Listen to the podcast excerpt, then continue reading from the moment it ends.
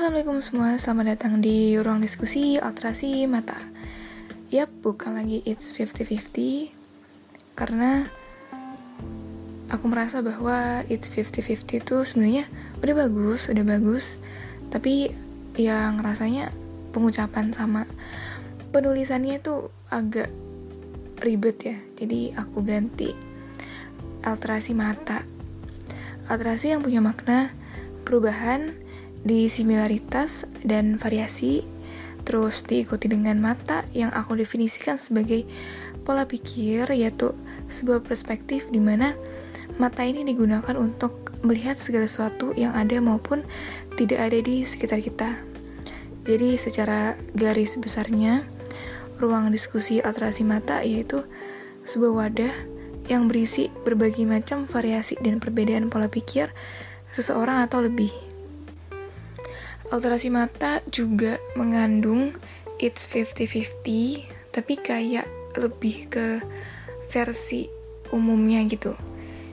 Tujuannya tetap sama, hanya namanya aja yang direvisi dan semoga aja bisa sampai seterusnya. Cukup segitu aja deh ya terkait alasan kenapa aku ganti nama podcast It's 50-50 jadi alterasi mata. Di episode kali ini, seperti judulnya yaitu friendly but lonely. Friendly yang aku maksud di sini adalah sifat atau kepribadian seorang yang ramah dan mudah untuk berbaur dengan semua orang.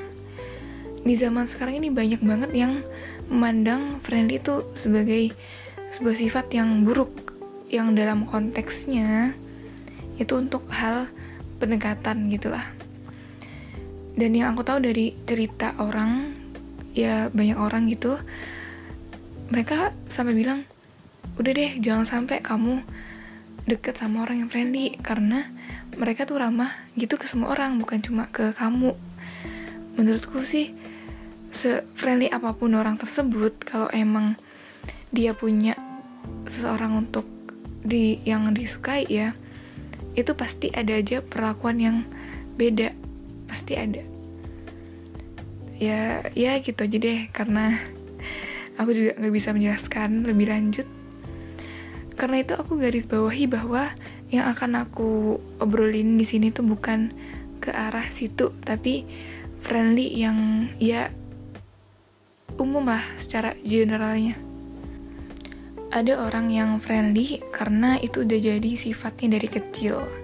Dan ada juga orang yang friendly untuk menutupi rasa kesepiannya. Yang mungkin aja hanya untuk sekadar meromantisasi dan tidak ingin orang tahu bahwa dirinya itu sedang merasa sendiri dengan menjadi sandaran bagi orang lain. Seringkali memberikan bantuan walaupun sendirinya itu perlu bantuan tapi dikalahkan oleh rasa gak enakan, rasa sungkan, rasa gak mau jadi beban memang agak toksik dan gak baik kalau dipendam sendirian. Tapi ya ya mau gimana lagi gitu. Seseorang bisa seperti itu karena banyak faktor. Mungkin dari semasa kecilnya dia takut atau nggak um, bisa untuk mengekspresikan perasaannya. Dan dia akan cenderung suka diem dan lebih memilih untuk menganalisa tanpa bertanya terhadap apa yang dia lihat dan alami. Alhasil, dia kaget dan banyak sekali hal yang belum dia pelajari tentang bagaimana merespon suatu, bagaimana cara agar dipahami oleh orang lain, bagaimana cara untuk memahami orang lain, dan berbagai macam hal kecil yang seharusnya dia tahu.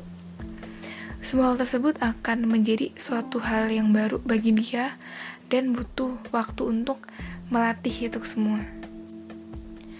Karena pada akhirnya dia sadar hal sekecil apa pun itu akan sangat berarti bagi dia dan masa depannya nanti.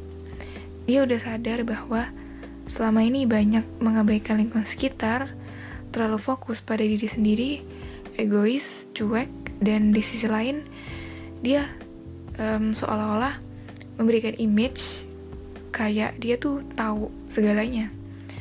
Padahal itu cuma personal branding. Semakin dia beranjak dewasa, semakin dia tahu dan paham bahwa selama ini dia belum cukup mental dan belum cukup untuk mengenali dirinya sendiri. Dia juga ternyata bekal yang udah dia siapin itu nggak sebanyak itu untuk menjemput masa depannya. Personal branding yang dia bangun ya bukan sepenuhnya tentang dirinya, bahkan itu kurang. Gak ada waktu untuk menghindari itu semua karena udah terjadi, ya pilihannya cuma satu. Harus menerima dan mau belajar. Lain halnya dengan orang yang ramah sejak kecil atau emang emang sifatnya dia tuh udah friendly. Dia udah terbiasa dengan berbagai macam bentuk lingkungan dan mudah untuk berbaur.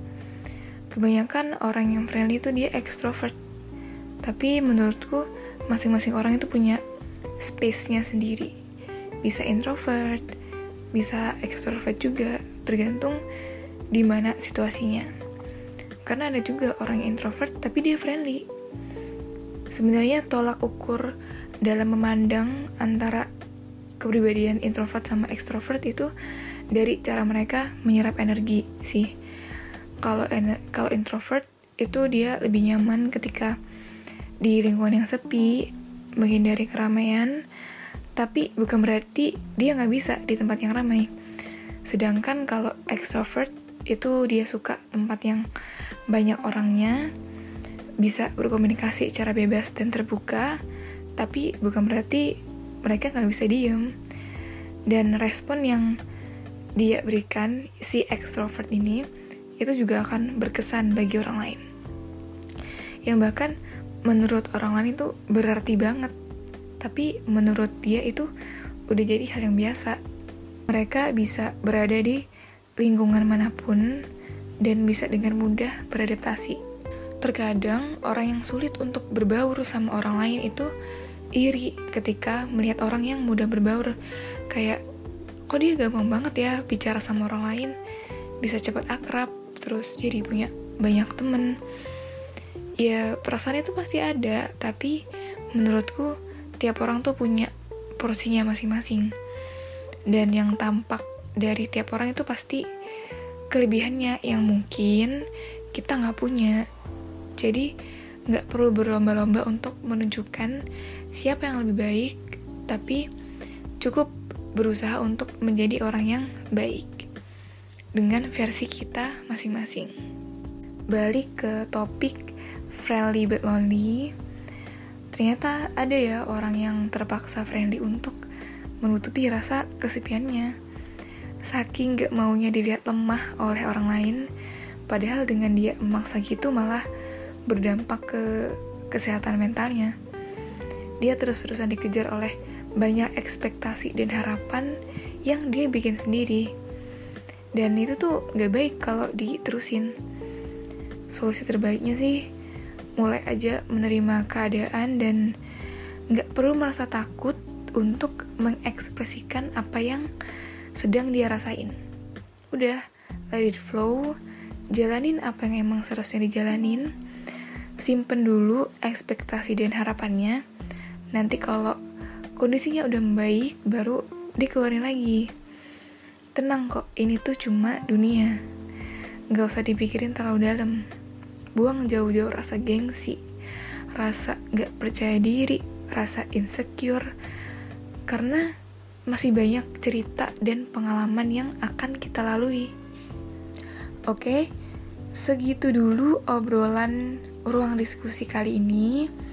Buat kalian yang punya opini, kritik, maupun saran, bisa langsung DM ke Instagramnya Alterasi Mata. Jadi sekarang Alterasi Mata udah punya Instagram, namanya alterasi.mata. Jadi bisa langsung DM ke situ. Makasih banyak untuk kalian yang udah dengerin podcast Alterasi Mata. Jangan lupa untuk follow agar bisa selalu update dan gak ketinggalan episode-episode selanjutnya karena tentunya akan lebih menarik. Support terus podcast Alterasi Mata dan semoga aku bisa mewakilkan opini-opini kalian dan bisa relate dengan kehidupan kita. Sekali lagi terima kasih. Wassalamualaikum warahmatullahi wabarakatuh.